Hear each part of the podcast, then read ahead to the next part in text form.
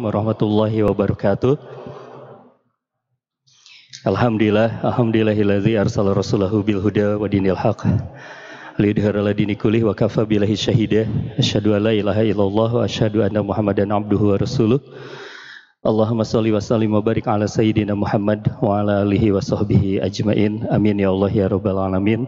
Alhamdulillah segala puji bagi Allah Tuhan semesta alam yang mengumpulkan kita di kesempatan sore hari ini. Meskipun Bandung lumayan sekarang sudah macet di mana-mana ya. Dan khawatirnya orang-orang Jakarta masuk ke Bandung nih. Pada Jakarta merah. Tapi insya Allah eh, kabarnya corona sudah ditemukan obatnya. Apa obatnya? Pilkada. Jadi karena pilkada, saya nggak tahu tuh, masya Allah, Allah karim. Ya kita bertawakal kepada Allah, kita tetap jalani protokol kesehatan sebagai ikhtiar kita. Ya. Mudah-mudahan Allah Subhanahu Wa Taala menjauhkan kita dari bala dan musibah. Salawat dan salam semoga terlimpah curahkan kepada Nabi kita Muhammad Sallallahu Alaihi Wasallam, kepada seluruh keluarganya, kepada para sahabat, kepada para tabiin, tabi tabiin, dan insya Allah mudah-mudahan untuk kita semuanya umat yang ada di akhir zaman ini. Teman-teman yang dirahmati oleh Allah Subhanahu wa taala, kita lanjutkan untuk kita mempelajari akidah Ahlus Sunnah wal Jamaah.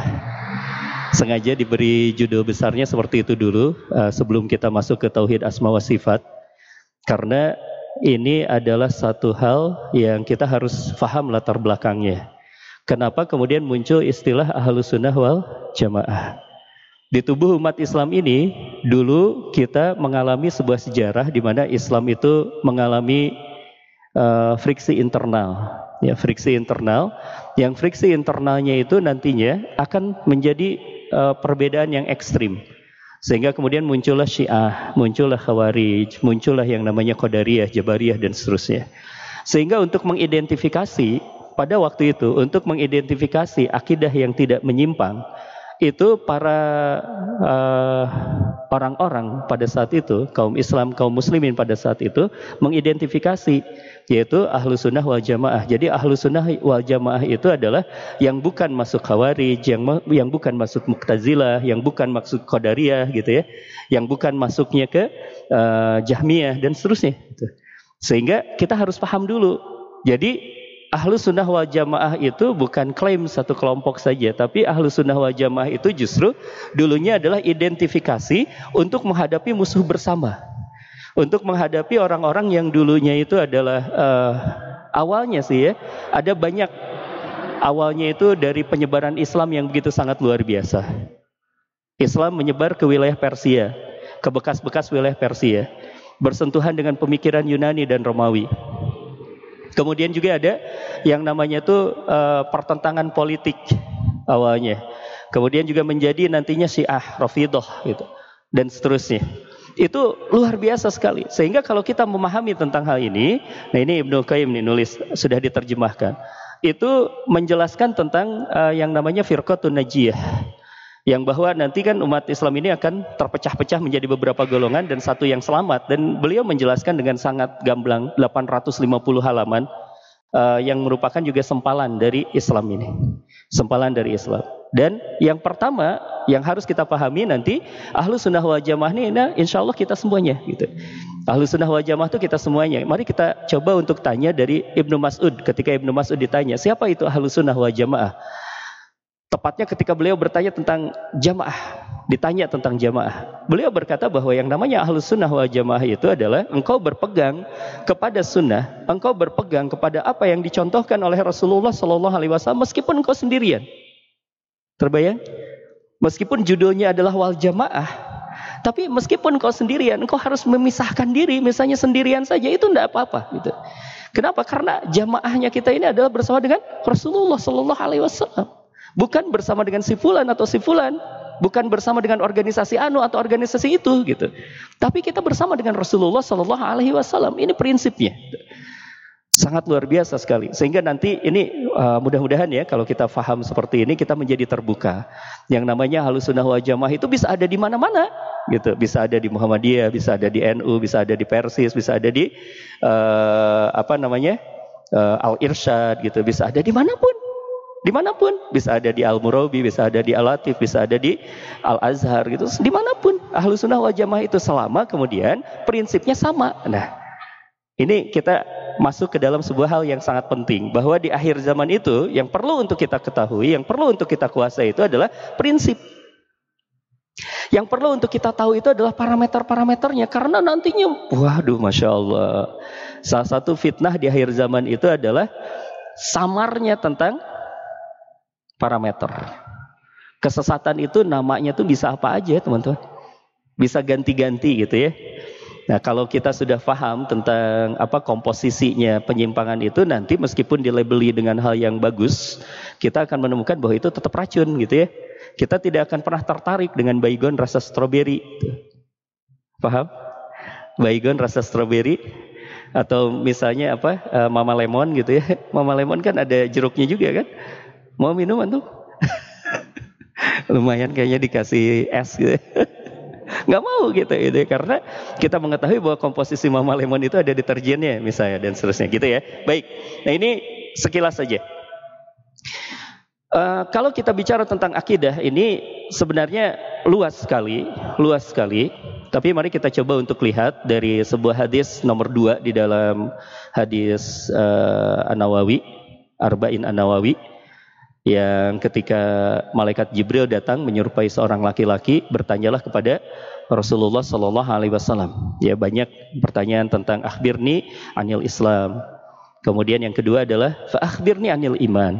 Yang ketiga faakhbirni anil ihsan. Kemudian yang keempat adalah bertanya tentang kamsah. Kapan datangnya hari kiamat? Baik. Nah, kita coba untuk capture yang keduanya saja. Kalau kita mengambil dari riwayat Muslim ini kedua, kalau di riwayat Bukhari ke satu yang ditanyanya itu. Tapi secara matan tidak bermasalah, sama aja. Cuma susunannya agak sedikit berbeda. Kalau Imam Muslim menanyakan akhbirni anil Islam itu adalah yang pertama. Kalau Imam Bukhari mengatakan akhbirni anil iman itu yang pertama. Tapi sama saja. Fa'akhbirni anil iman. Beritahukan aku tentang iman, kata uh, Jibril alaihissalam kepada uh, Rasulullah sallallahu alaihi wasallam. Qal, lalu kemudian Rasulullah sallallahu alaihi wasallam menjawab, "Antu minu billah wa malaikatihi wa kutubihi wa rusulih wal yaumil akhir wa tu'minu wa tu'mina bil qadri khairihi wa sarihi. Kata beliau bahwa iman itu adalah beriman kepada Allah, beriman kepada malaikat-malaikatnya, beriman kepada kitabnya, beriman kepada rasulnya, beriman kepada hari akhir dan kau beriman kepada takdir yang baik maupun yang buruk. Sederhana awalnya gitu. Jadi kalau kita bicara tentang iman itu informasi yang langsung dari Allah dengan disampaikan oleh Rasulullah Shallallahu Alaihi Wasallam itu hanya ini gitu. Tapi di di perkembangannya, di perkembangannya karena tadi itu Islam bersentuhan dengan timur dan barat. Ya, bahkan kalau kita masuknya apa? Timur atau barat kita? kalau dibandingkan dengan apa? Zazirah ini kita wilayah mana? Timur atau barat kita? Oh, geografinya nggak jelas ya. kita masuk apa? Timur barat? Coba dilihat.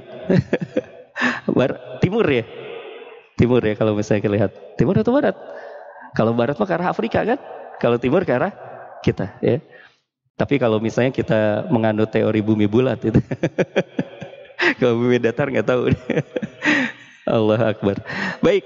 Nah ini informasi awalnya sederhana bahwa iman itu hanya seperti ini. Antuk minubillah wa malaikati wa kutubihi wa rusuli ya wal yaumil akhir wa tu'mina bil qadari khairihi wa syarihi. Cuma itu kata Rasulullah sallallahu alaihi wasallam. Cuma di dalam pembahasan tentang ilmu akidah itu akhirnya dibagi-bagi. Dibagi-bagi saking luasnya perkembangan. Ini juga kalau misalnya kita membaca ada satu uh, tulisan dari Muhammad Nasir ya uh, Islam dan akal merdeka. Pernah baca? Ini harus akrab juga dengan pemikiran ulama-ulama Indonesia ya Wah, Buya Nasir itu, Muhammad Nasir itu sangat luar biasa tuh. Baca kapitas lektanya beliau dari tahun 20 beliau menulis tuh, waduh Masya Allah. Itu sekali ber, mungkin ya kalau misalnya saya baca tulisan-tulisannya beliau, itu sekali berpemikirannya Muhammad Abduh tuh setara gitu. Beliau itu luar biasa. Sekaliber dengan Omar Khayyam itu, Masya Allah lah. Beliau itu ya. Atau sekaliber dengan Al-Maududi itu, sama. Ya, cuma kadang-kadang kita lupa sejarah kita ya. Kita mah ingatnya kalau sejarah Indonesia itu Gajah Mada, Hayam Wuruk gitu. Padahal ada ilmuwan-ilmuwan Islam yang sangat luar biasa. Nah, termasuk Buya Nasir. Nah, Buya Nasir menulis tentang Islam dan akal merdeka. Nah, salah satunya beliau menyoroti kenapa kemudian juga Islam ini begitu sangat berkembang karena memang Islam menghargai akal merdeka salah satunya. Nah, manusia ini selalu bertanya bertanya tentang hal-hal yang fundamental yaitu bertanya tentang dirinya sendiri, bertanya tentang uh, semesta raya dan bertanya tentang Tuhan yang menciptakan semesta raya ini. Sehingga gaya pemikiran seperti ini berkembanglah di dalam kajian akidah. Berkembanglah di dalam kajian akidah sehingga akidah itu akhirnya untuk dimudah untuk memudahkan dibagilah menjadi tiga bahasan pokoknya yaitu rububiyahnya, uluhiyahnya, kemudian asma wa sifat. Itu kalau misalnya kita mengambil susunannya yang disampaikan oleh Syekh Utsaimin misalnya seperti ini rububiyah, uluhiyah, asma wa sifat. Tapi kalau kita mengambil apa yang disampaikan oleh uh, Ibnu Qayyim kebalik uluhiyah dulu, rububiyah dulu baru asma wa sifat. Kalau menurut Ibnu Qayyim seperti itu karena di dalam surat Al-Fatihah dikenakannya Allahnya dulu. Alhamdulillah hirabbil alamin. Jadi Allahnya dulu sebagai uluhiyah baru kemudian Rabb rububiyah, rabbil alamin. Baru kemudian juga nanti ar-Rahman, nirahim, asma wa sifatnya masuk di situ. Jadi memang tidak ngarang para ulama Islam ini ya. Mengambilnya salah satunya rujukannya dari surah Al-Fatihah itu. Di surah Al-Fatihah itu ada pembagian tentang tauhid, uh, uluhiyah, rububiyah, asma wa sifat. Itu dibahas di dalam kitabnya Ibnu Qayyim di Madarijus Salikin, tiga, tiga, tiga jilid itu. Itu membahas surat Al-Fatihah. Baik, nah ketika dibagi menjadi tiga ini, timbullah permasalahan-permasalahan sekitar akidah. Permasalahan-permasalahan sekitar akidah itu yang paling banyak dibicarakan kalau di uluhiyah dan di rububiyah itu sederhana. Di uluhiyah atau di rububiyah itu sederhana kan kemarin kita membahas ya. Kalau di uluhiyah itu nanti ketundukan kita secara total kepada Allah Subhanahu wa taala. Di rububiyah ini bagaimana keyakinan kita meyakini bahwa Allah itu menciptakan kita, lalu kemudian kita menyandarkan hidup kita secara total kepada Allah. Dengan bahasannya di Madari Salikin seperti itu tuh. Sehingga kitanya bisa menyandarkan hidup kita kepada Allah Subhanahu wa taala. Iya karena abudu wa iya karena stain tuh itu rububiyah tuh. Ya, eh, kita mengenal tentang Allah yang menciptakan kita lalu akhirnya kita minta tolong 100% kepada Allah Subhanahu wa taala. Tawakal kita kepada Allah. Ini obat anti krisis. Obat anti krisis itu saat kita menggantungkan diri kita 100% kepada Allah. Jangan sampai kita menggantungkan diri kita kepada manusia, berat menggantungkan diri kita pada manusia. Menggantungkan diri kita pada harta berat. Sekarang tuh rupiah berapa? Hancur-hancuran kan? Ya. Saya uh, mendapatkan data-data makroekonomi kita tuh sedang krisis, cuma denial aja kitanya gitu. Rusak luar biasa, rusak sekali ekonomi kita ya. Nah itu tapi kalau misalnya kita kembali kepada Allah ya insya Allah lah kita akan mendapatkan pertolongan dari Allah Subhanahu wa taala. Yang menjadi persoalan adalah justru di sini. Yaitu ketika kita bicara tentang asma wa sifatnya Allah Subhanahu wa taala. Kalau di asmanya insya Allah semuanya menerima. Tapi ketika di sifat inilah persoalan-persoalan pelik di sini mulai persoalan-persoalan pelik di sini mulai. Makanya saya menganjurkan hari ini uh, konsentrasi, nggak boleh ada yang ngantuk. Karena sedikit saja ngantuk bisa meleset nih pemahaman kita ya. Makanya kita berdoa dulu. Gimana doanya biar nggak ngantuk? Alhamdulillahilladzi ahyana bada amatana wa ilahi nusur. Doa bangun tidur kan itu. Sambil ngopi gitu ya. Taib, sifat Allah. Ini persoalannya di sini ya, sifat Allah. Di dalam memahami tentang sifat Allah ini terbagilah menjadi dua golongan umat Islam ini. Awalnya. Nanti kita coba petakan apa yang sudah keluar, siapa yang sudah keluar, siapa yang masih dalam golongan ahlu sunnah wal jamaah. Sifat Allah. Ada yang menerima sifat Allah ini, ada yang menerima sifat Allah ini secara istilahnya dipermudah dengan orang-orang yang sifatiyah. Dipermudah ya, dipermudah. Nanti kita jelaskan karena dari sifatiyah ini ada beberapa golongan lagi, ada beberapa golongan lagi. Ya, sifatiyah. Artinya adalah yang menerima bahwa Allah itu memiliki memiliki apa? Sifat. Memiliki sifat. Karena lawannya ada yang menegasikan sama sekali. Allah tuh nggak punya sifat. Allah itu hanya zat dan tidak punya sifat. Itu yang disebut dengan golongan taktil, tuh, meniadakan sifat dari Allah Subhanahu wa taala. Enggak ada sama sekali sifat Allah itu, gitu ya. Itu ada orang yang seperti itu. Kita coba untuk bedah dulu yang sifatiyah. Sifatiyah ini ada di antaranya nama-nama besar. Imam Malik, Imam Ahmad, Imam Abu Daud. Nah, beliau itu menerima bahwa Allah itu punya sifat, cuma dengan catatan-catatan penting. Catatan-catatan pentingnya apa? Disampaikan oleh Imam Malik yang paling fundamental. Kata Imam Malik misalnya ya, kan sifat itu pembahasan tentang sifat itu di antaranya adalah tentang uh, sifat istawanya Allah. Allah beristawa di arash. Sumastawa alal arsh. Lalu Allah subhanahu wa ta'ala beristawa di, ala, di atas arash. Nah, Imam Malik pernah di kondisi taklimnya beliau, ada yang bertanya, Ya Imam, apa yang dimaksud dengan Allah beristawa di atas aras itu? Fa'ina aras, fa'ina Allah. Lantas di mana itu aras? Lantas di mana itu Allah? Lalu kemudian kaif, bagaimana duduknya Allah di atas aras itu? Kebayang nggak pertanyaan itu di eranya Imam Malik masih hidup. Imam Malik masih hidup. Ada yang bertanya seperti itu. Merah wajahnya Imam Malik. Merah wajahnya Imam Malik. Lalu kemudian beliau berkata, dalam kasus istawa, istawa itu maklum, fahuwa maklum, bertanya tentang kaif, tidak diketahui caranya, berkata tentang bagaimana tidak diketahui caranya, percaya tentang hal ini adalah wajib, dan bertanya soal hal ini adalah bid'ah. Itu dikatakan oleh Imam Malik. Ya. Tapi ini bukan satu-satunya pendapat, ini ya. bukan satu-satunya pendapat. Karena nanti dari perkembangannya itu kita akan mengenal juga sosok yang namanya Imam Ash'ari yang banyak kemudian juga diterima uh, oleh orang-orang Indonesia yang disebut sebagai golongan Ash'ari ya.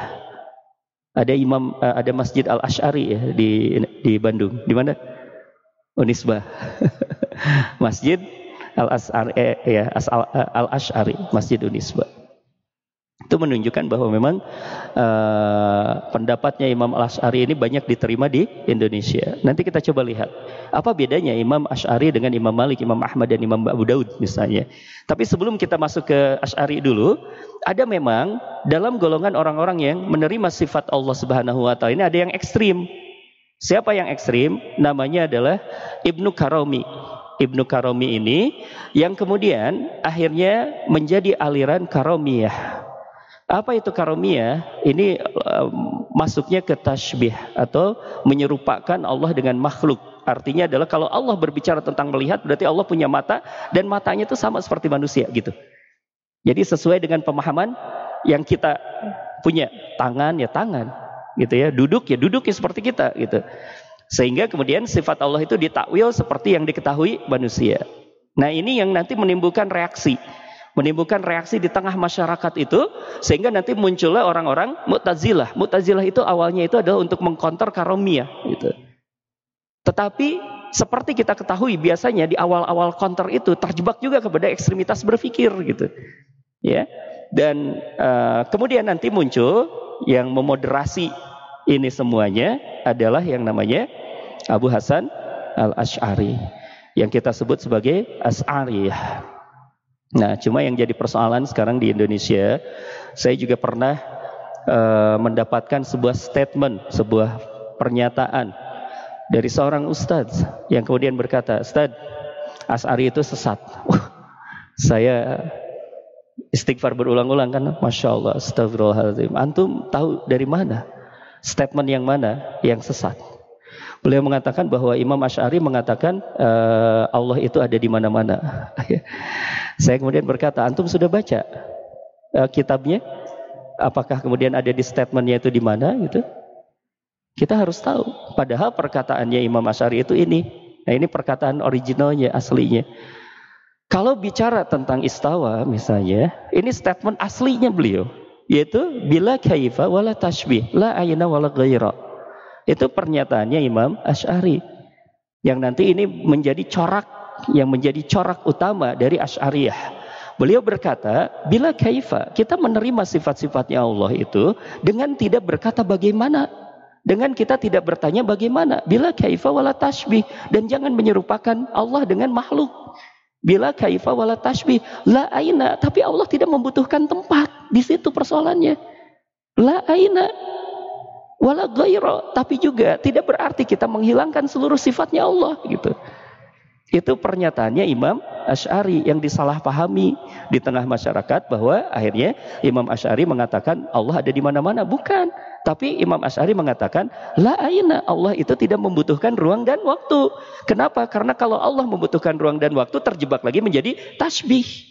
Terjebak lagi menjadi menyerupakan Allah dengan makhluk gitu.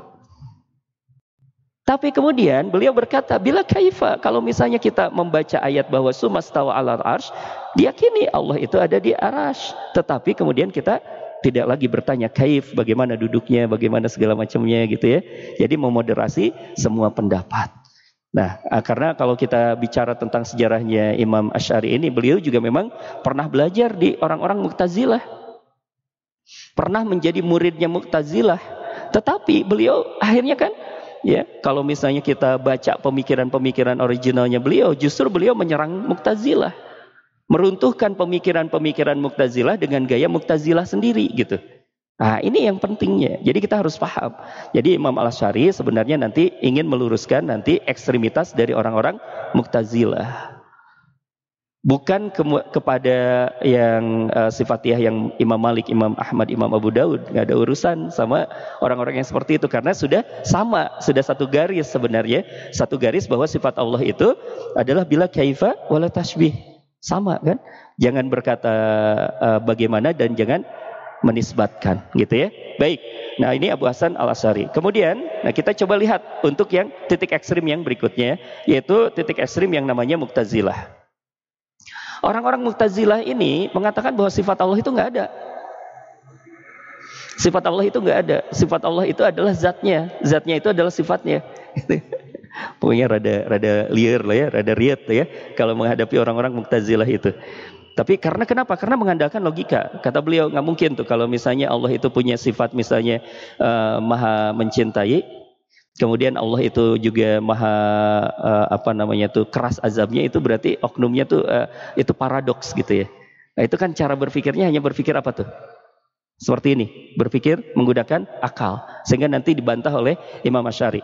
Ya, awalnya mereka ini adalah untuk me counter orang karomiyah tasbih itu bahwa sesungguhnya kita harus memuliakan Allah, harus membebaskan Allah dari sifat-sifat yang mirip dengan manusia gitu. Jadi kalau bertanya tentang Allah, nggak tahu kita. Allah itu adalah zat yang berbeda dengan kita, yang sifat-sifatnya tidak sama dengan kita, zatnya saja yang kita imani. Itu menurut orang-orang Mu'tazilah ya. Sehingga prinsipnya seperti itu. Ya, ini prinsipnya kebaca nggak tulisannya? Sifat Allah ialah zatnya, maka sifat Allah itu tiada. Itu kata orang-orang Mu'tazilah. Sehingga nantinya ini pernyataan beratnya dari mereka yaitu musyrik siapa pun yang berkata bahwa Allah memiliki sifat. Ini statementnya orang Mu'tazilah. Tapi di era kita ada yang lebih keras lagi. yang mengatakan bahwa kafir orang yang apa meyakini sifat Allah. Pernah dengar gak? ada yang berkata seperti itu. Gitu. Waduh, masya Allah. Berarti lebih keras dari Mu'tazilah. Ada orang yang lebih keras dari Mu'tazilah, orang yang mengatakan kafir bagi orang-orang yang memahami eh, yang meyakini tentang adanya sifat Allah. Ya. Saya nggak tahu belajarnya dari mana ya. Mungkin dari Mu'tazilahnya Mu'tazilah gitu. Mu'tazilahnya Mu'tazilah. Ya Mu'tazilah saja sekeras-kerasnya Mu'tazilah hanya mengatakan musyrik, tidak kafir gitu ya. Ada uh, muktazilahnya muktazilah. Ya. Masya Allah. Nah ini persoalannya seperti ini. Jadi uh, persoalan tentang sifat Allah ini ada dibagi menjadi empat ini, ya, menjadi empat. Kita coba untuk lihat beberapa halnya. Apa sih sebenarnya lebih detailnya lagi kita coba lihat. Ini permasalahan seputar sifat Allah ini, di mana persoalan-persoalannya sebenarnya kalau kita coba untuk uh, screening lebih lanjut lagi, yaitu di sini. Nanti masalahnya ya yaitu di sifat Allah al-ilmu. Sifat Allah itu kan kalau kita belajar uh, sifat Allah kita akan mengenal tentang ilmu hayat besar nah ilmu itu pertama yang menjadi persoalan tentang ilmu. Karena ilmu ini akan ada turunannya dengan bicara tentang takdir. Bicara tentang takdir nanti. Bicara tentang takdir. Ini ada perbantahan yang menarik dari Imam Ash'ari dengan Imam Al-Jubai. Imam Al-Jubai ini dulu gurunya Imam Ash'ari. Imam Al-Jubai ini, imamnya Muqtazilah. Beliau bertanya dengan sebuah pertanyaan yang sangat luar biasa. Kata beliau begini, Wah Imam, seandainya ada tiga orang. Yang pertama adalah beramal soleh, lalu dia meninggal. Satu. Yang kedua, banyak dosa, lalu meninggal. Yang ketiga, meninggal sebelum balik. Di mana posisi orang-orang ini? Nah, ini nanti kita bisa sedikit tahu pemikiran Muqtazilah ya. Kata Imam Al-Jubai, yang pertama, kalau orang yang beramal soleh lalu mati, lalu dia akan masuk surga. Ini mah kita terima ya. Yang kedua, orang yang melakukan amal salah lalu kemudian dia meninggal, dia akan masuk neraka. Itu kekal, kata orang Muqtazilah, kekal. Makanya nanti ada hubungannya dengan bagaimana seseorang yang melakukan dosa, gitu ya. Ada hubungannya, apakah kemudian dia masih beriman atau tidak. Nanti ada uh, pemikirannya mereka. Lalu kemudian yang menariknya adalah yang ketiga itu, yang ketiga dijawab oleh orang-orang Mu'tazilah dan ini adalah keyakinan orang Mu'tazilah, yaitu yang ketiga yang mati sebelum balik itu ada bainanar wal jannah. Ada sebuah tempat antara surga dan neraka. Nggak masuk ke surga, nggak masuk ke neraka. Kenapa? Karena meninggalnya belum balik. Secara rasional seperti adil. Secara rasional seperti adil kan belum belum belum masuk hukum ya. Orang yang belum balik itu belum masuk hukum. Ditanyalah oleh Imam Ash'ari dengan sebuah pertanyaan yang tidak kalah rasionalnya. Pertanyaannya seperti ini. Wahai Imam, seandainya memang seperti itu jawabannya. Lalu kemudian si orang yang ketiga ini nanti di hadapan Allah dia akan berkata apa yang dikatakan oleh yang, orang yang ketiga ini? Ya Allah kenapa engkau mematikan aku ketika aku masih balik belum balik? Padahal jika engkau memberikan waktu usia kepadaku sampai balik aku akan melakukan amal soleh dan aku bisa masuk surga. Logika? Logika kan? Ilmu kan? Ya. kemudian kata beliau Lalu bagaimana juga dengan orang yang masuk neraka tadi itu? Lalu orang yang masuk neraka itu berkata juga kepada Allah, "Ya Allah, kenapa Engkau tidak matikan aku ketika aku sebelum balik sehingga aku tidak masuk neraka?" Bingung nggak? Bingung kan? Nah, Imam Al-Jubai tidak mampu untuk menjawabnya. Itulah yang menjadi titik tolak Imam Asy'ari keluar dari Mu'tazilah mengatakan bahwa agama ini bukan urusan akal saja gitu. Agama ini tidak bisa dibahas dengan hanya akal saja. Kalau hanya akal saja, pertanyaan tadi tidak terjawab gitu loh. Pertanyaan tadi saja tidak terjawab kan? So, gimana gitu ya? Kalau kayak gitu, kebayang nggak kacaunya nanti akhirat gitu? Kacau sekali akhirat. Maka dikembalikanlah oleh Imam Ash'ari bahwa agama ini tidak hanya membutuhkan akal. Tetapi kemudian membutuhkan kita menerima tentang dalil-dalil yang disampaikan oleh Rasulullah Sallallahu Alaihi Wasallam. Dan ini termasuklah ke dalam pembahasan tentang ilmu. Allah yang maha tahu. Ini adalah ada hubungannya juga dengan nanti al-iradah dan kudrahnya Allah. Ya, Allah itu ya memiliki kehendak dan Allah tidak akan ditanya tentang kehendaknya itu. Itu mah haknya Allah, bukan haknya manusia, gitu ya. Nah, maka nanti turunannya itu ada Jabariyah dan ada Qadariyah. Orang Jabariyah ketika memperbincangkan masalah takdir berkata bahwa manusia itu tidak berkuasa atas apa pun ya sudahlah kita mah gitu ya. Sehingga nanti ada turunannya lagi tuh, ada turunannya lagi ya. Turunannya lagi adalah tentang bagaimana tentang pelaku dosa gitu ya pelaku dosa. Ya karena memang manusia tidak berkuasa apa pun, jadi kalau manusia melakukan dosa itu bagian dari takdir. ya itu pemahamannya tuh. Ini dari apa tuh? Dari pemahaman sifat Allah. Dari pemahaman sifat Allah. Jadi kalau misalnya ada seorang yang melakukan dosa pada saat itu kan pernah berhadapan dengan Umar bin Khattab. Umar bin Khattab waktu itu masih hidup. Ada orang yang jabariyah seperti itu. Masih ada. Kemudian uh, sudah ada ya, bibit-bibitnya sudah ada. Tapi kan nanti berkembangnya selepas eranya Ali bin Abi Thalib ya, banyak berkembang. Nah, itu pernah ada orang yang berkata di hadapan Umar, "Wahai Umar, Amirul Mukminin, saya melakukan dosa karena takdir." Jadi, saya nggak bisa dihukum. Kenapa? Karena kalau Allah tidak mentakdirkan saya berbuat dosa, saya tidak akan berbuat dosa. di hadapan siapa tuh ngomongnya? Hadapan Umar. Apa yang dilakukan oleh Umar? Ditampar pemuda itu. Pah gitu. Sampai pemuda itu berkata, wahai Amirul Muminin, kenapa engkau menamparku? Aku menamparmu juga karena takdir. Jadi Umar itu cerdas sekali menghadapi orang yang jabar itu tampar gitu. Kenapa engkau menamparku? Aku menamparmu karena takdir. Masya Allah. Nah ini juga sekaligus kan sekarang ketika menghadapi pandemi ini juga kelihatan ya. Ada orang yang jabariah tuh kelihatan. Sisa-sisa jabariah itu kelihatan. Ah mawat makuwa Allah lah gitu ya. Akhirnya tidak mengabai, uh, uh, mengabaikan semua protokol gitu ya, semua segala macam gitu ya. Meskipun kita juga memang harus kritis, harus kritis, gitu. harus kritis dan juga nggak tahu datanya kita ya nggak jelas gitu ya datanya gitu. Tapi kita perlu untuk tetap melakukan ikhtiar karena nanti berlaku sunatullah gitu. Berlaku sunatullah. Baik, ya, manusia tidak berkuasa atas apa pun. Ada kodariyah yang ekstrim melawan jabariyah, ya, mengkonter jabariyah, terjebak juga ke dalam ekstremitas, yaitu manusia berkuasa atas segala takdir. Manusia berkuasa, Allah mah bahasanya ya, saking tidak sopannya orang kodariyah tuh uh, pensiun lah dari urusan manusia itu. Allah mah sudah menciptakan lalu kemudian dibiarkan lah, sok. Dibiarkan lah gitu ya. Dan sisa-sisa Qadariyah ini lebih banyak dari sisa-sisa Jabariyah sebenarnya.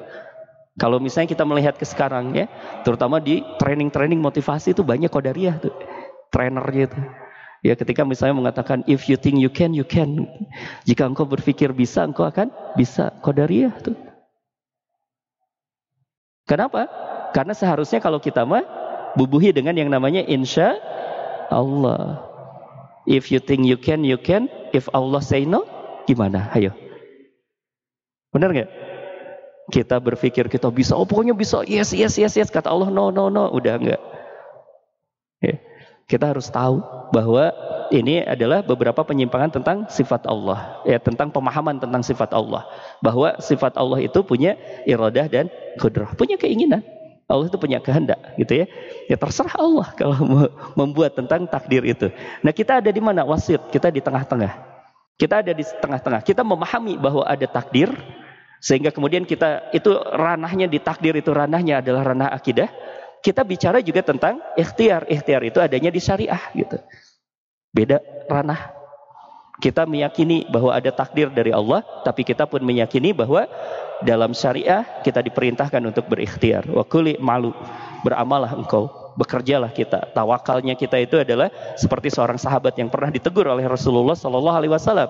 Ikat dulu untamu, lalu kau bertawakal kepada Allah Subhanahu Wa Taala. Kalau masih lepas juga itu baru takdir. Itu baru takdir. Ya. Nah, kemudian ini nanti turunannya ke orang murjiah dan orang khawarij. Orang murjiah akan mengatakan bahwa dosa itu tidak memberi mudarat selama dalam iman karena tadi uh, kembalikan kepada takdir gitu. Sehingga kemudian orang-orang murjiah itu tidak kenal salah. Tidak kenal salah, tidak kenal benar gitu. Semuanya kan diciptakan sama Allah, termasuk hawa nafsu gitu ya. hawa nafsu ini gak usah diperangi. Dan ini juga adalah bagian dari ciptaannya Allah Subhanahu wa taala. Ini orang murjiah. Nah, kalau orang khawarij sebagai lawannya uh, mereka berkata pelaku dosa itu adalah kafir.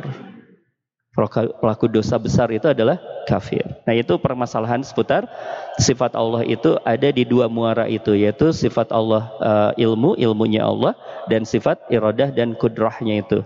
Itu yang menjadi uh, center persoalannya ya. Kalau kita paham di sini insya Allah sebenarnya jernih nantinya. Kemudian persoalan yang lainnya lagi adalah persoalan tentang kalam.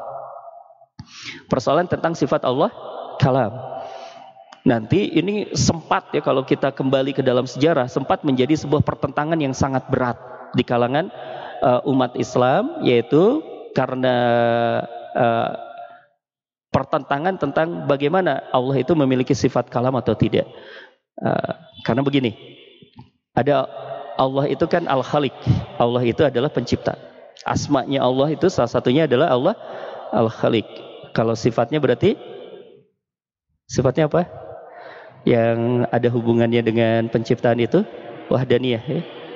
Allah satu, tunggal dalam semua hal termasuk dalam penciptaan gitu. Nah, kemudian orang-orang itu ada yang berkata, terutama orang Mu'tazilah, orang yang berkata, orang-orang Mu'tazilah itu berkata bahwa kalau misalnya Allah itu Al-Khaliq, maka kemudian Allah menciptakan makhluk. Allah menciptakan makhluk.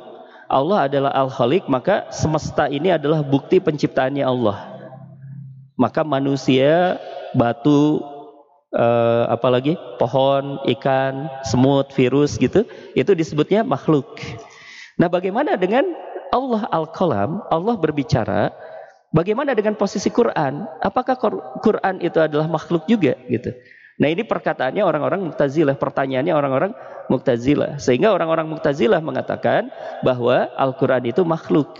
Ini yang ditentang oleh Imam Ahmad bin Hambal nantinya. Imam Ahmad bin Hambal sampai wafat sahid mempertahankan bahwa Al-Quran itu kalam bukan makhluk. Al-Quran itu tidak hudus, tidak baru. Tapi ini adalah bagian dari firman Allah subhanahu wa ta'ala. Mulai bingung ya? Tapi ini persoalannya kalau kita bicara tentang asma wasifatnya itu di situ ya. Jadi pertentangan luar biasa tuh Imam Ahmad tuh di penjara tuh lewat dua khalifah ya. Lewat dua zaman khalifah. Luar biasa ya. Gara-gara beliau tidak mau mengatakan Al-Quran itu makhluk. Tapi beliau mengatakan Al-Quran itu adalah kalamullah. Al-Quran itu kalamullah. Al-Quran itu bukan makhluk. Kenapa? Karena mah, kalau makhluk, nanti sifat-sifat makhluk akan kena kepada Quran. Di antaranya sifat makhluk itu berkembang. Sifatnya makhluk itu berkembang dan berkurang. Ya. Makanya orang-orang Mu'tazilah nanti pada perkembangannya ketika memahami Quran karena mengatakan Al-Quran itu makhluk, akhirnya sekehendak sendiri dirubah itu Qurannya. Nah, maka kalau misalnya kita sudah melihat berarti orang-orang Mu'tazilah laisa minna. Orang Mu'tazilah bukan bagian dari kita di beberapa hal ini ya sudah mulai kelihatan gitu. Kalau Imam Ahmad, Imam Malik, Imam Ash'ari masih bagian dari kita. Ya, masih bagian dari kita sama dengan kita. Cuma kalau misalnya orang Mu'tazilah itu sudah berbeda dengan kita. Ya karena di sini nantinya. Karena akhirnya sifatnya merubah Quran nanti. Al-Quran ada apakah kalam atau uh, makhluk? Ini coba kita bantah saja dengan ini saja. Di dalam surat At-Taubah ayat ke-6, dalil mengenai Al-Quran itu adalah kalamullah, ini ada di sini. Nah saya pernah ditanya juga, saat memang ada ayatnya yang berkata bahwa uh, Al-Quran itu kalamullah? Ada. Ini secara teks ada, teksnya. Jelas teks gitu. Saya tidak bicara tafsir teks ini. Teksnya. Wa inna ahadum minal musyrikin astajaraka fa'jirhu hatta yasma'a kalam Allah. Hatta yasma'a kalam Allah. Dan jika seorang di antara orang-orang musyrikin itu meminta perlindungan kepadamu, maka lindungilah ia supaya ia sempat mendengar kalamullah. Paham ya? Jadi ini langsung dalilnya. Imam Ahmad nggak ngarang. Para ulama terdahulu tidak ngarang ketika berbicara bahwa eh, Al-Quran itu bukan makhluk, tapi Al-Quran itu adalah kalam Allah. Sehingga kalau kita mendefinisikan Al-Quran, nanti di materi Ma'rifatul Quran, Al-Quran itu adalah kalamullah yang diturunkan oleh Allah Subhanahu wa taala kepada Rasulullah sallallahu alaihi wasallam melalui perantaran malaikat Jibril yang membacanya adalah ibadah. Itu definisinya Quran. Itu definisinya Al-Quran. Ya, hafal? Jadi kalau ditanya apa itu Al-Quran? Al-Quran itu adalah kalamullah yang diturunkan oleh Allah Subhanahu wa taala kepada Rasulullah sallallahu alaihi wasallam dengan perantaraan malaikat Jibril yang membacanya adalah ibadah. Hafal? Saya ulang sekali lagi ya.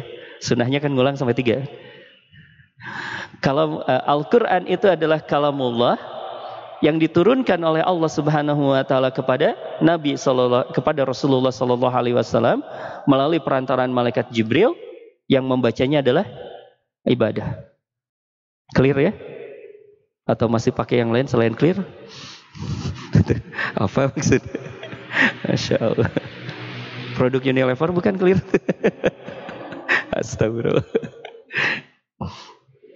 ya, seperti itu. Jadi Eh, kita sudah memahami. Ini persoalan-persoalan seputar uh, bahasan tentang asma wa sifat. Jadi luar biasa.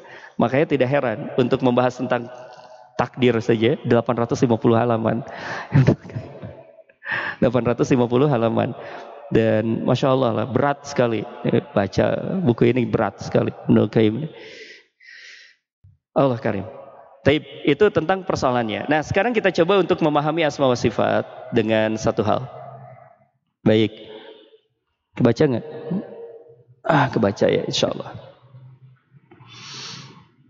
Ini saya coba untuk mapping kenapa kemudian juga uh, para ulama ahli tauhid itu mengatakan ada bahasan tentang tauhid asma wa sifat.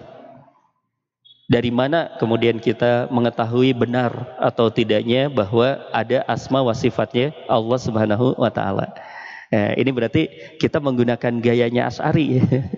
kita menerima ada asma wa sifat tapi boleh masih meneliti boleh, silakan teliti aja. Tapi pada intinya kita meneliti bukan untuk menegasi tapi untuk menguatkan meneliti untuk menguatkan. Berbeda dengan Imam Malik. Imam Malik mah berkata, nanyain aja bid'ah gitu. Nggak boleh antum nanya kayak gini. Tapi kalau Imam Ash'ari mengatakan silahkan bisa ditanya, tapi ingat bahwa akal itu memiliki keterbatasan. Akal itu memiliki keterbatasan. Jangan sampai kita kemudian memaksakan dalil pada akal, tapi akal yang harus menyerah kepada dalil pada ujungnya, gitu ya. Baik, kita melihat dulu. Kita coba lihat. Nah, ini di sini dulu. Nah, ini surat Ar-Rum tentang fenomena dan keberadaan Allah. Bisa ya, zoom juga. Baik, fenomena dan keberadaan Allah. Jadi untuk kita bisa memahami asma wa sifatnya Allah, dari mana kemudian Allah Subhanahu wa taala menerangkan tentang hal ini? Allah menerangkan ini sesuai kok, sesuai dan bisa kita pahami. Kan kita ini makhluk berpikir. Kita ini makhluk berpikir. Dan itu kalau kita berpikir tentang asma wa sifatnya Allah, kita akan menemukan bahwa Allah itu memang memperkenalkan sesuai, ada bukti-buktinya gitu. Kan kalau kita ya akhirnya mengambil sebuah prinsip bahwa uh, mengenali Allah itu kan ada dua torik, ada dua jalan. Torik ila ma'rifatillah ini yang pertama adalah melalui dalil, yang kedua melalui pengamatan semesta gitu ya. Pengamatan semesta juga bisa sehingga ada dua ayat yang kita pelajari, ayat kauniyah dan ayat kauliyah. Baik. Di dalam surat Ar-Rum ayat ke-50 ini, Allah Subhanahu wa taala ber, ber, berbicara tentang fenomena. Dalam filsafat ilmu, teman-teman masih ingat? Kan hampir semua jurusan ya bicara filsafat ilmu dulu ya. Nah, di filsafat ilmu itu kan kita bicara tentang fenomena, yang fenomena itu bisa kita maknai, bisa kita cermati gitu. Sehingga akhirnya kita menemukan sebuah makna dari fenomena. Gitu. Masih ingat gak? nah, ini ada satu hal yang disampaikan oleh Allah Subhanahu wa taala di dalam surat Ar-Rum ayat ke-50 dikatakan fangdur ya, maka perhatikan. Ya, di sana diperhatikan apa yang disuruh diperhatikan oleh Allah bekas-bekas rahmatnya. Ada jejak-jejaknya, ada jejak-jejaknya. Berarti kalau dalam bahasa filsafat ilmu disebut dengan fenomena. Perhatikan fenomena. Dalam fenomena itu kita akan menemukan makna dan akan menemukan bahwa ada sesuatu di balik fenomena itu. Ini perintahnya dari Allah. Makanya agama kita juga menghargai akal, menghargai eh, penelitian gitu ya. Itu yang disampaikan oleh Buya Muhammad Nasir itu. Beliau mengatakan bahwa Islam memang menghargai akal merdeka, cuma akal merdekanya tidak liar gitu. Akal merdekanya tidak liar. Ini salah satu dialog yang menarik. Ya. Ini intermezzo saja. Mumpung kita lagi rame-rame bicara tentang uh, kebangsaan, ideologi kebangsaan kita. uh, Soekarno tuh pernah ditanya sama anaknya. Nggak tahu anak yang mana. ya, saya nggak mau nyebut namanya masih hidup saya. Ya. nah anak ini bertanya kepada Soekarno, uh, ayah, kenapa kalau ada satu bejana yang terkena jilatan anjing, Anjing ya. Anjing ingatnya apa sekarang?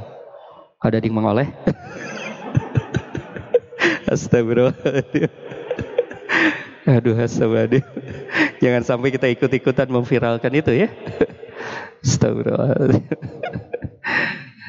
Nah, kenapa ada bejana yang dijilat sama anjing itu harus dicucinya itu salah satunya dengan tanah. Nah, Soekarno berkata, zaman dulu belum ada sabun anak.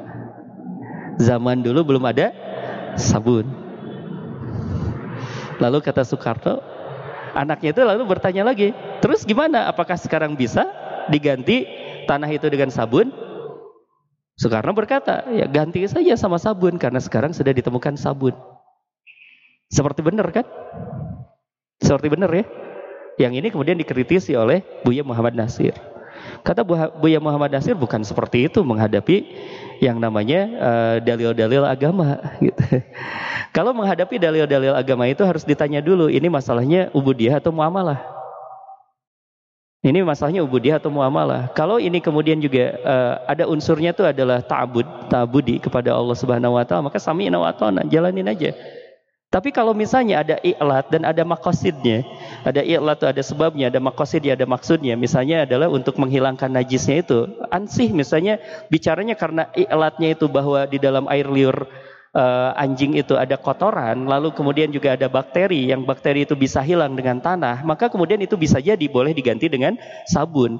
Tapi tidak seperti itu kesimpulannya. Harus kemudian kita teliti terlebih dahulu teliti terlebih dahulu. Kalau masalahnya adalah masalah ta'abudi, masalahnya itu adalah dalil, masalahnya itu adalah contoh dari Rasulullah, masalahnya itu adalah diperintahkan oleh Allah Subhanahu wa taala, lalu kita belum menemukan maknanya, belum menemukan hikmahnya secara ilmiah, tetap kita harus melakukan itu. Itu jawabannya Muhammad Nasir. Paham nggak? Apa perbedaannya dengan Soekarno dan dengan Muhammad Nasir ini perbedaannya? Karena langsung mengandalkan akal, Muhammad Nasir mengatakan metodologi menghadapi dalil gitu. Bisa paham ya? Bahwa di dalam Islam ini ada metodologi. Kita perlu untuk memahami metodologi terlebih dahulu gitu. Nah, uh, Allah Subhanahu wa taala di dalam surat Ar-Rum ini menyampaikan juga ada sok silahkan lihat ada yang namanya fenomena-fenomena itu dari dari fenomena-fenomena itu kita bisa memahami bisa kita menemukan ada Allah Subhanahu wa taala dan asmanya Allah itu semuanya relevan dengan fenomena-fenomena yang ada. Misal kita lihat Allah itu asmanya salah satu namanya Allah Allah Al-Badi. Allah itu maha kreator, kreatif sekali dalam penciptaannya. Nah, kita lihat fenomenanya manusia itu bisa menemukan juga kreasi-kreasi gitu. Misal ya uh, di Indonesia di Bandung uh, di Bandung mah kalau fenomena kreasi itu gampang gitu ya. Kita bisa melihatnya dari kreasi aci. Tuh. aci tahu aci?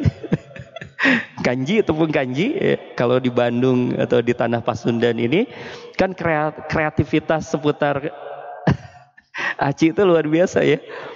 Direbus jadi cilok, digoreng jadi cimol, cimol yang kecil, digoreng lagi dalam bentuk gede jadi cireng, dikasih bawang jadi ciwang.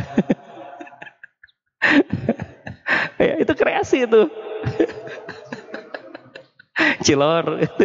Aci sama telur sampai waktu pas itu tuh ada yang pernah nawarin saya cibai. Setahun kata saya ini makanan apa lagi? Itu cibai. Aci nggak barabai. Astagfirullah kata saya. Benar-benar pas dimakan tuh gak barabai. Astagfirullah. Ini kreasi. Dan ini dari mana manusia bisa berkreasi seperti ini? Karena Allah al-badi Lalu kemudian Allah mengilhamkan kepada manusia untuk melakukan kreasi. Inilah pembeda kita dengan malaikat gitu ya. Pembedanya kita dengan malaikat. Malaikat itu tidak dimiliki, tidak tidak tidak dikaruniakan oleh Allah Subhanahu wa taala kemampuan untuk berkreasi. Jadi kalau malaikat itu dulu eh, dari dulu diciptakan misalnya malaikat itu sujud sujud saja sampai sekarang sampai nanti itu tetap aja sujud. Gak interupsi ke Allah ya Allah sujud melulu gitu. Bolehlah sambil duduk gitu kan enggak gitu. Makanya kenapa kemudian kehalifahan uh, bumi ini diserahkannya kepada manusia agar dinamis. Kebayang nggak kalau kekhalifahan bumi ini akhirnya diserahkan kepada malaikat? Nggak ada perkembangan karena malaikat mah dari dulu sampai sekarang sampai nanti tetap kayak gitu saja gitu ya. Makanya kalau menurut guru-guru kita, guru-guru kami, termasuk misalnya kalau dulu tuh, mungkin teman-teman nggak tahu, udah ada yang lahir belum? Jadi serasa tua banget saya. ada dulu itu ulama asal Bandung tuh ulama terkenal sekali, Kiai A.F. Ghazali. Pernah dengar? Enggak ya, berarti enggak enggak ke, ke, keumuran. nah beliau mengatakan bahwa salah satu bedanya uh, manusia dengan malaikat itu, malaikat itu tidak dikasih ilmu, Malaikat itu tidak dikasih kemampuan berpikir. Karena kalau manusia, eh, kalau malaikat dikasih itu, wah luar biasa, berat sekali. Nanti akan ada peradaban malaikat. Kalau ada peradaban malaikat, maka kemudian peradaban malaikat akan bergesekan dengan peradaban manusia nanti perang kita sama sama malaikat gitu. Ya. Kan nggak lucu kita perang sama malaikat ya. Kita nyera, uh, nyiapin senjata tembak malaikat, ngilang malaikat itu gitu, kalah gitu. Masya Allah. Nah itu yang disampaikan oleh beliau ya. Jadi ini dari Al-Badi. Fenomenanya apa? Fenomenanya manusia memiliki kreasi, memiliki daya untuk menciptakan sesuatu, mengkreasikan sesuatu, mengkompos gitu ya. Itu maka kemudian Allah itu al-badi. Allah lebih dari itu. Kalau manusia saja bisa seperti itu, Allah lebih dari itu. Kan unsurnya kita ini sama sama sama tempe hampir sama kan? Kita manusia dengan tempe hampir sama kan? Unsurnya apa? Protein kan? Protein. Jadi kalau Mang Dede dimakan mengandung protein. kita makan. gitu ya. Jadi al-badi, maha kreator. Kemudian juga dari fenomena yang lainnya. Dari fenomena penyesalan, kita melakukan dosa, melakukan kesalahan, kita lalu menyesal. Maka di sinilah kita akan menemukan ada asma Allah, namanya Allah itu Al-Tawwab. Allah itu Al-Tawwab, Allah itu Al-Ghafur, Allah itu Al-Afu, gitu ya. Karena konsekuensi dari rasa penyesalan itu, nggak mungkin manusia itu bisa menyesal kalau Allah tidak akan menerima penyesalan kita, gitu ya. Bisa dipahami. Kemudian fenomena yang lainnya, ada fenomena terkabulnya doa. Kita pernah berdoa dan dikabulkan kan sama Allah Subhanahu wa taala. Maka kemudian Allah memperkenalkan dirinya sebagai Al-Mujib. Allah itu maha pengabul doa. Ini sudah masuk ke asma ya. kemudian ada fenomena rezeki. Ada fenomena rezeki. Kita diberikan rezeki. Sampai sekarang kita diberikan rezeki. Maka kemudian kita akan menemukan asma Allah. Allah itu Ar-Razak. Allah itu maha pemberi rezeki. Kemudian kita juga akan menemukan fenomena hikmah. Fenomena hikmah. Ya, apa hikmahnya kita pakai masker ke mana-mana sekarang? Sudah menemukan hikmah? Mengurangi cemilan. Karena susah nyemil pakai masker. Masya Allah. Tapi jadi nambah cepuluh ya, cemilan cepuluh. Baik, itu fenomena hikmah. Nah, maka kemudian kita akan memahami ada asma Allah, Allah itu Al-Hakim, Allah itu Maha bijaksana. Manusia saja bisa mengambil hikmah. Allah maha bijaksana. Sehingga kita akan bisa memahami, menunggu dari berbagai kejadian itu pasti ada hikmahnya. Kemudian juga fenomena manfaat dan mudorot misalnya. Ya, ada barang yang ada manfaatnya, ada yang mudorotnya. Kita akan menemukan juga akhirnya uh, worth it, itu masuk akal ketika Allah menamakan dirinya Allah Al-Nafi, yaitu Allah pemberi manfaat, dan Allah Ad-Doror, yaitu Allah pemberi mudorot. Ada fenomena yang lain lagi, balas dendam. Eh, fenomena balas dendam.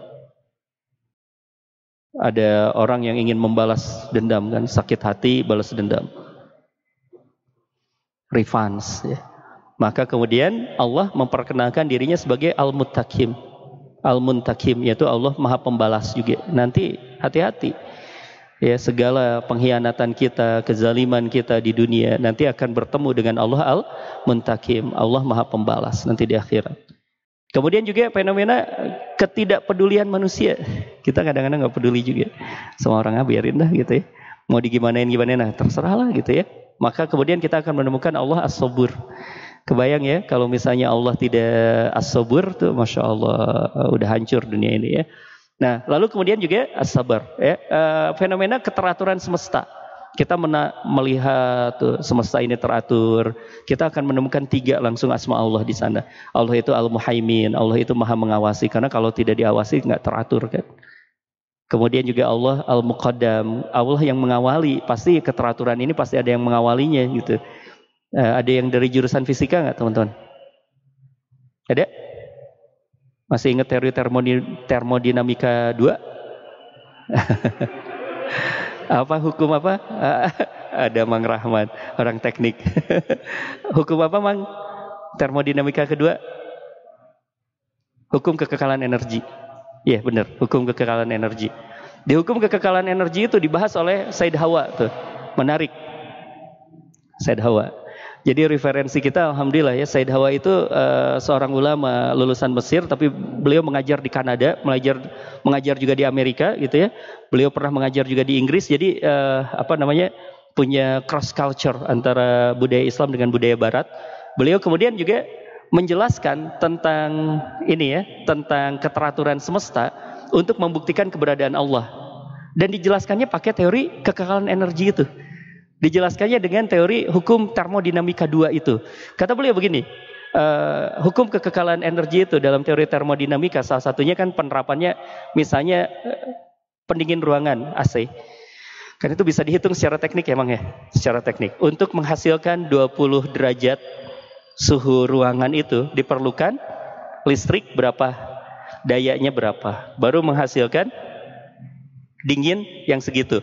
Itu yang menguatkan bahwa uh, energi itu tidak bisa musnah, tapi energi itu berubah dari energi listrik menjadi energi dingin gitu ya. Dari panas berubah menjadi dingin dan seterusnya gitu ya. Dikatakan seperti itu. Cuma yang jadi persoalan itu pertanyaannya sederhana. Untuk bisa menghasilkan perubahan dari panas menjadi dingin itu, itu kan memerlukan ada yang namanya apa? Sederhananya.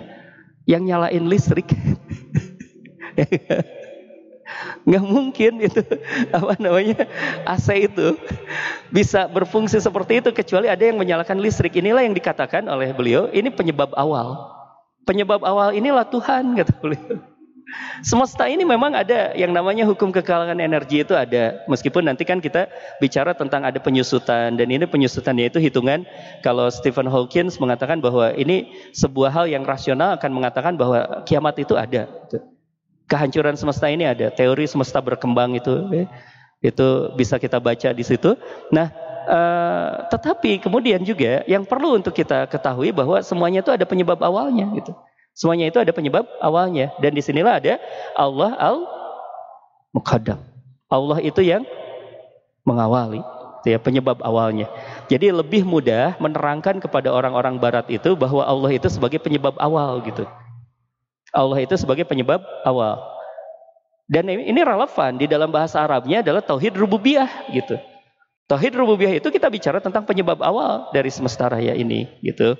Kemudian ujungnya adalah kita bicara juga al akhir bahwa Allah itu tidak mungkin berakhir. Allah itu ada ketika dunia ini belum ada dan Allah ini tidak akan berakhir ketika dunia ini berakhir yaitu dari asmanya. Kemudian kita lihat lagi fenomena kidam dan hudusnya kosmos. Nah, ini masih ada hubungannya dengan yang tadi itu.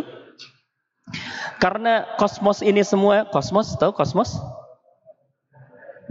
Setrikaan.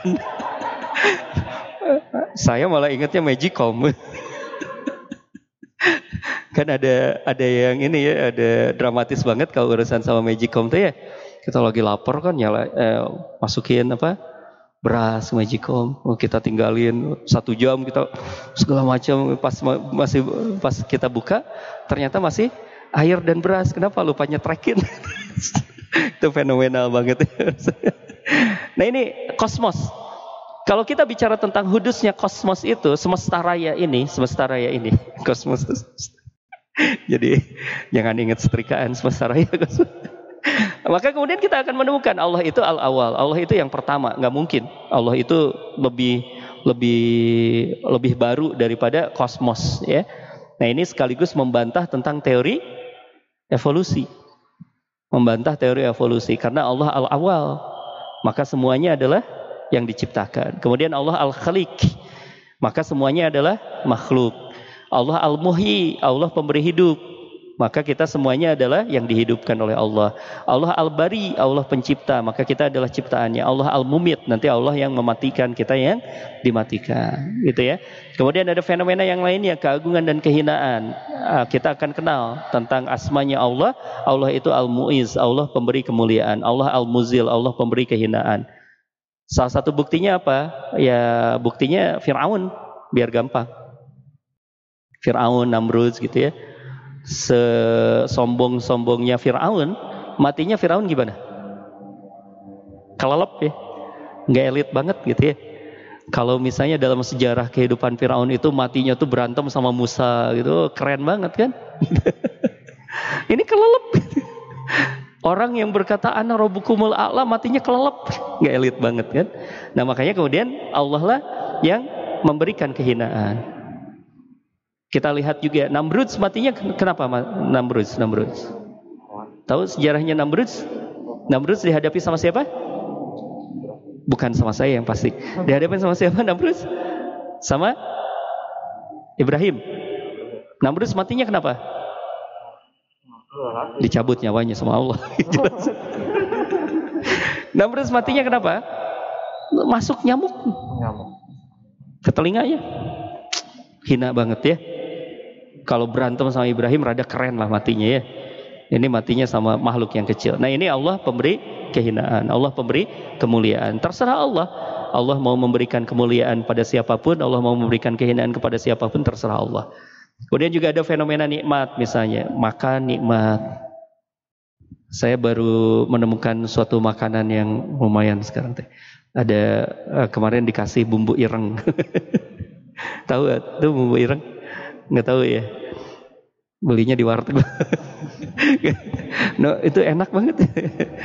gitu. uh, kita makan tuh jadi enak itu pemberi pemberi nikmat. Nah, kita ingat bahwa yang memberikan nikmat itu adalah Allah. Kemudian kita juga uh, tahu bahwa Allah itu yang memberi terserah Allah. Nah, termasuk juga fenomena didapatkannya hidayah bahwa Allah itu Al-Hadi, Allah itu Al-Mudil, Allah yang memberi petunjuk, Allah yang menyesatkan. Ini baru sebagian saja dari asmanya Allah Subhanahu wa taala dan sifatnya Allah Subhanahu wa taala. Jadi asma wa sifatnya itu bisa dipahami gitu. Saya ingin menjelaskan kepada teman-teman bahwa sebenarnya tauhid asma wa sifat itu bisa difahami. Ada fenomenanya di semesta gitu.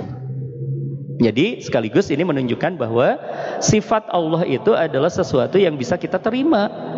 Tetapi penjelasannya kita bingkai dengan penjelasan ahlu sunnah wal jamaah tadi itu. Yang diwakili oleh Imam Malik, Imam Ahmad, Imam Abu Daud, dan juga Imam Ash'ari.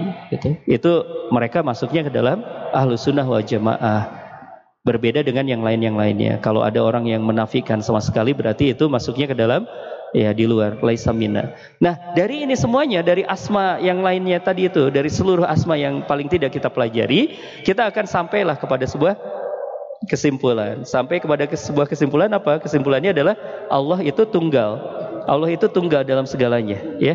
Allah itu tunggal. Kebayang nggak kalau misalnya tadi ketika Allah mau menghinakan, memuliakan. Kalau misalnya Allahnya banyak, kebayang kan? Harus debat dulu.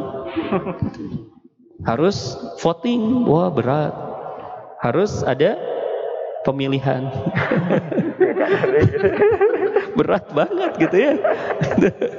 berat. Maka kemudian kita akan sampai kepada penjelasan inilah konsep tauhidnya kita yaitu kul huwallahu ahad. Allah itu adalah ahad. Allah itu satu. Allah itu satu dan mudah dipahami. Kenapa Allah itu satu? Karena asma-asmanya ini, nama-namanya Allah ini mewajibkan nampaknya biarin ini. mewajibkan bahwa Allah itu harus satu gitu. Allah itu tidak boleh dua, tidak boleh tiga, apalagi banyak. Itu kebayang bahwa akan terjadi konflik of interest gitu. nah ini kita, kita bisa pahami ya. Alhamdulillahnya seperti itu. Ya, maka kemudian kita akan menemukan Allah itu adalah kul huwallahu ahad. Allah itu satu. Jadi dari uh, pelajaran asma wa sifat ini kita akan semakin mengokohkan Allah itu satu dengan nama yang banyak dengan sifat yang kita bisa terima. Jadi ini sekaligus mengkontor orang-orang Mu'tazilah. Bukan kemudian zatnya jadi banyak kalau kita mensifati Allah itu gitu. Tapi Allahnya tetap satu. Karena nggak mungkin secara logika pun kalau kita melihat asma wa sifatnya Allah ini Allahnya jadi banyak. Enggak. Justru ketika kita mempelajari asma wa sifatnya itu semakin menguatkan bahwa Allah itu harus satu. Gitu ya. Jadi kita sudah bisa memahami bagaimana cara berpikirnya para apa namanya ulama-ulama tauhid ketika menjelaskan tentang tauhid uh, asma wa sifat ini. Kurang lebih seperti itu. Mudah-mudahan ini bisa menjadi sebuah letakan batu-batu pemahaman kita. Nanti memang ini belum semuanya.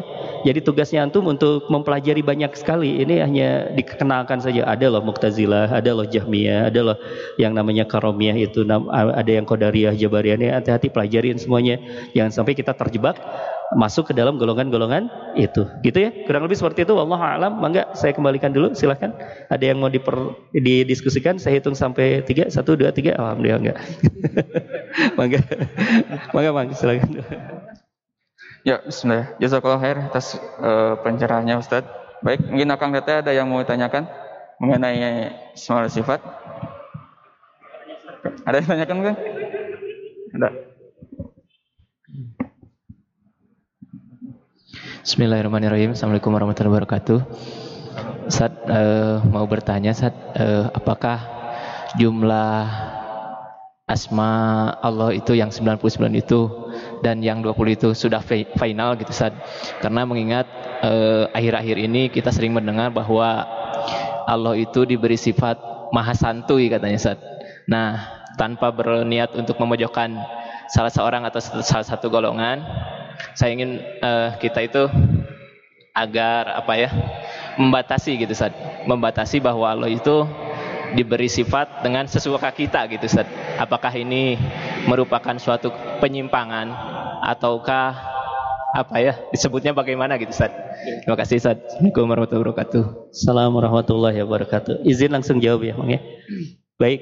Jadi kalau kita bicara dengan uh, bagan seperti ini jauh lebih kita pahami ya bahwa sebenarnya sifat dan asmanya Allah itu ada hubungannya dengan fenomena. Uh, bisa dijelaskan dengan fenomena. Uh, jadi kemudian juga bisa saja kita menemukan fenomena lain di dalam semesta ini. Cuma yang jadi sebuah persoalannya lagi adalah kita bicara tentang adab kita kepada Allah Subhanahu wa taala. Salah satu adab kita kepada Allah Subhanahu wa taala itu adalah uh, adab yang pernah dan sering dicontohkan oleh para sahabat. Kalau para sahabat ditanya tentang sesuatu, Ya Rasul kan sering kali menggunakan metodologi bertanya ya kepada para sahabatnya itu. Tahukah engkau misalnya itu akan sesuatu? Kemudian jawabannya dari para sahabat biasanya apa? Allah wa Rasul a'lamu. Allah dan Rasulnya lebih paham tentang hal ini. Allah dan Rasulnya lebih mengetahui tentang hal ini. Ini adabnya para sahabat. Sehingga para sahabat itu itu kalaupun misalnya memiliki pemahaman dikonfirmasi kepada Rasulullah Shallallahu Alaihi Wasallam. Cuma persoalannya kita ini sekarang tidak sezaman dengan Rasulullah Shallallahu Alaihi Wasallam. Maka ada uh, dua jenis uh, dua jenis dua golongan ulama yang berbelah pendapat berkenaan dengan hal ini. Ulama-ulama yang mengambil jalan-jalan aman itu adalah mengatakan kita harus memiliki adab. Salah satunya adalah kita mencukupkan dengan apa yang diinformasikan saja oleh Allah. Termasuk apa yang diasma eh, apa yang diinformasikan oleh Allah kan asmanya ada 99 misalnya. Sudah itu saja gitu. Lalu kemudian kita secara adabnya tidak boleh ya kita kemudian juga memberikan asma yang lain, sifat yang lain kepada Allah Subhanahu wa taala. Itu bicaranya adab. Tapi kemudian ketika ada orang yang dengan pemahamannya menamai Allah yang lainnya misalnya ya dengan bahasanya kita. Dengan bahasanya kita. Sekali kita coba untuk pendekatan bahasa sekarang. Dalam pendekatan bahasa terkadang uh, saya pun baru memahami tidak begitu lama belum belum begitu lama bahwa kadang-kadang di dalam disiplin ilmu saja itu banyak istilah yang istilahnya itu sama tapi maksudnya beda gitu ya. Tergantung dengan disiplin ilmunya setiap ilmu itu kadang-kadang punya istilah sendiri gitu. Punya istilah sendiri yang bisa jadi bahasanya sama tapi maksudnya beda atau maksudnya sama tapi bahasanya beda gitu. Bisa jadi itu. Nah, ini uh, pendekatan bahasanya. Kemudian juga kita bisa melihat juga dalam pendekatan uh, budaya bahasa itu kadang-kadang ada gap pengertian antara dari satu bahasa ke bahasa yang lain. Ada juga orang itu bisa lebih tenang, bisa lebih uh, nyaman, bisa lebih jelas ketika menjelaskan dengan bahasanya dia sendiri dengan bahasanya dia sendiri. Misalnya ya, kalau dalam bahasa Indonesia jatuh itu adalah jatuh saja. Dalam bahasa Sunda tigeldag, tikelai, tikusruk, tiporos, ti jungkir, tikusruk, nyungsab. itu bahasanya dan itu menggambarkan gambaran-gambaran yang berbeda, cara jatuhnya berbeda gitu ya. Sehingga kemudian bahasa Indonesia itu kita bisa simpulkan bahasa Indonesia ini bahasa yang uh, maaf ya bahasanya saya miskin. Ya, makanya bahasanya itu menyerap dari bahasa Arab, menyerap dari bahasa Inggris, menyerap dari bahasa Sunda kan banyak sekali bahasa-bahasa serapannya itu, bahasa-bahasa serapan. Makanya orang yang anti Arab di Indonesia sebenarnya nggak usah di Indonesia lah gitu. Kenapa? Karena bahasa Indonesia banyak mengambil dari bahasa Arab, kursi dari bahasa Arab, gitu. Hikmah dari bahasa apa? Bahasa Arab, gitu ya. Jenazah dari bahasa apa? Bahasa Arab. Kalau bahasa Indonesianya bangke gitu. Jadi wafat itu dari bahasa Arab telah wafat seorang itu ya. Kalau bahasa Indonesianya itu apa namanya? Koyet. Masya Allah gitulah ya. Nah sehingga kemudian kita bisa memahami ada satu hal yang perlu untuk kita sikapi dengan bijak. Ada uh, beberapa orang ustadz yang saya juga melihat gitu ya, ingin menerangkan tentang asma wa sifatnya Allah itu dengan bahasanya kita. Dengan bahasanya kita. Bahasa untuk lebih mudah difahami. Asalkan tidak menyimpang dari asma wa sifatnya Allah yang sudah ditetapkan oleh Allah sendiri, maka itu tidak apa-apa dengan sebuah maksud untuk menerangkan lebih jelas lagi. Misalnya, ada orang yang mengatakan, ah, saya juga pernah dengar, ya Allah itu maha baik gitu. Ada nggak asma Allah maha baik? Ada? Adanya juga Allah Ar-Rahman, Ar-Rahim, Al-Wadud. Yang mewakili maha baik itu Ar-Rahman, Ar-Rahim, Al-Wadud. Ar-Razak juga masuk kan? Ya karena Allah kalau tidak baik uh, pasti akan mensyaratkan hal yang berat sekali untuk ketika Allah memberikan rezeki itu. Lalu kemudian beliau berkata Allah itu maha baik, Allah itu baik banget sama kita gitu ya.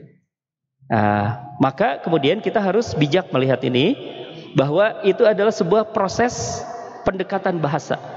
Pendekatan bahasa. Tetapi kemudian juga ini ada di dalam satu ranah yang sangat riskan memang. Kecuali kemudian beliau menyampaikan bahwa yang dimaksud dengan maha baik itu adalah Allah itu Ar-Rahman, Allah itu Ar-Rahim, Allah itu Ar-Razak, Allah itu Al-Ghafur, Allah itu At-Tawwab. Kan itu semua kebaikan-kebaikan Allah kan. Itu semua kebaikan-kebaikan Allah Subhanahu wa taala. Nah, di sinilah kemudian kita bisa melihatnya, memandangnya, ini masuknya ke dalam apa? Karena semua perkataan itu ada tempatnya. Perkataan itu ada tempatnya. Ini prinsip ya. Dan ini prinsip universalnya. Semua perkataan itu ada tempatnya. Di mana beliau menyampaikan itu, kepada siapa beliau menyampaikan itu, itu perlu kita pahami. Beliau menyampaikan hal itu kepada orang yang awam yang baru belajar Islam. Bukan kepada orang ma'had. Kalau kepada orang ma'had, gak usah bicara kayak gitu. Gitu ya. Kalau kepada orang-orang yang latar belakangnya pesantren, latar belakangnya ma'had, gak usah dengan pendekatan bahasa yang seperti itu. Langsung saja bilang bahwa Allah Ar-Rahman, ayatnya segini, gitu ya. Ayatnya ini, hadisnya ini, dalilnya ini. Ma'had. Tapi kalau ke orang yang baru mas baru baru belajar Islam, pusing. Bisa dipahami ya? Jadi ini pendekatannya. Tetapi sekali lagi, ini kadang-kadang juga di dalam sebuah perjalanan kita berdakwah dan perjalanan kita di dalam uh, gerakan dakwah ini, kita kadang-kadang mengabaikan itu. Di mana beliau mengatakan, untuk siapa beliau mengatakan. Memang salah satu kesulitannya sekarang kita hidup di dunia digital. Kan beliau sebenarnya menyampaikan itu di kondisi terbatas kan? Di kalangan terbatas, tapi karena di ada yang merekam, dimasukkan ke YouTube, lalu kemudian dikritisinya oleh orang, orang makhad gitu. Ya nggak nyambung akhirnya gitu. Jadinya akhirnya jadi nggak nyambung. Uh, jadi ada ini ya, atau bahasa gampangnya logika sederhananya seperti inilah. Logika sederhananya. Antum uh, belajar fikih sudah berapa kitab? Saya saya nanya jawab. Antum belajar fikih sudah berapa kitab? Belum ya?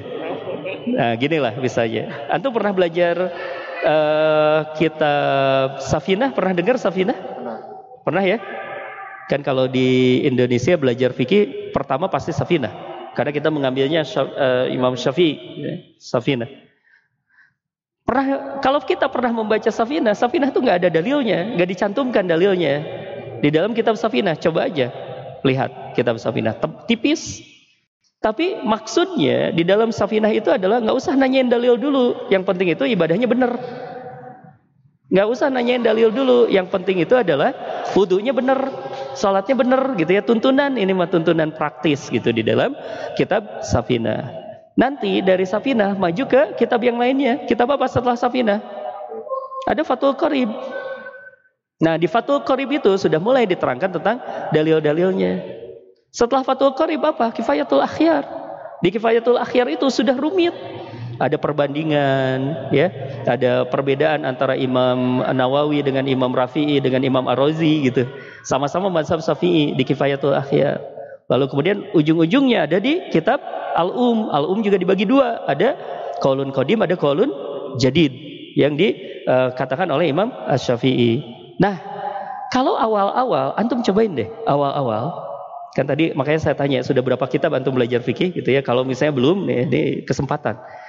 Kalau misalnya antum jawabannya adalah belum, coba baca Al-Um. Dijamin gak ngerti. Asli. Dijamin pusing. Ya, yeah, langsung ke Al-Um pusing. Kenapa? Karena tidak kuat fondasinya. Gitu. Tidak kuat fondasinya. Atau langsung ke uh, bidayatul mujtahid. ah, berat itu. Kita bidayatul mujtahid itu sudah apa? Perbandingan mazhab. Wah, liur. Asli. Kalau misalnya tiba-tiba ngelompat ke bidayatul mujtahid, maka semua orang itu akan bisa memahami akhirnya bahwa belajar itu ada dosis, ada tingkatan-tingkatannya. Dan kadang-kadang Ya kalau misalnya nih tiba-tiba kan antum sudah sampai ke bidayatul mujtahid, digontor kan harus hafal tuh bidayatul mujtahid. Ya, baru lulus. Hafal bidayatul mujtahid, ngerti bidayatul mujtahid. Nah, ketika uh, sudah lulus bidayatul mujtahid, kemudian ketemu sama Safina. Kemudian dia berkata, "Kitabnya naon sih ya dalilan gitu."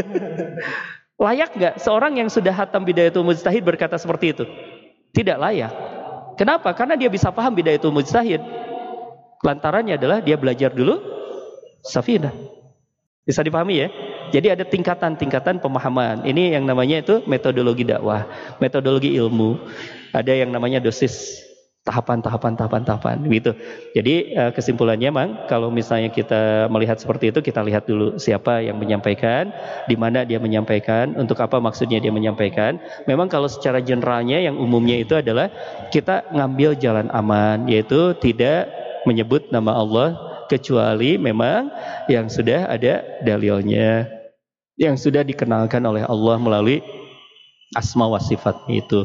Tapi untuk pendekatan pemahaman, ini kita bisa memahami metodologi-metodologi atau bisa menggunakan berbagai metodologinya itu. Kurang lebih seperti itu ya. Allah a'lam. Taib, mangga silakan. Mungkin mau lanjut atau gimana? Waktu satu, satu cukup aja. Cukup. Baik karena waktunya mau uh, sebentar lagi maghrib, maka kita kita cukupkan kajian atau sore ini. Uh, Alhamdulillah jazakallahu khairan kasiran Ustaz atas uh, pencerahan tentang tauhid asmaul wa sifat. Uh, terima kasih mudah-mudahan apa yang kita pelajari hari ini bisa diamalkan dan bisa menjadi panduan kita dalam keadaan sehari-hari. Baik, uh, sebelum kita tutup kajian ini mari kita istighfar uh, sebanyak-banyaknya. Astagfirullahalazim, astagfirullahalazim, astagfirullahalazim. Doa kifaratul majlis subhanakallah bihamdik asyhadu an la ilaha illa anta astaghfiruka wa atubu ilaik wa akhiru da'wana alhamdulillahirabbil alamin. Mohon maaf atas segala kesalahan dan khilaf. Wassalamualaikum warahmatullahi wabarakatuh.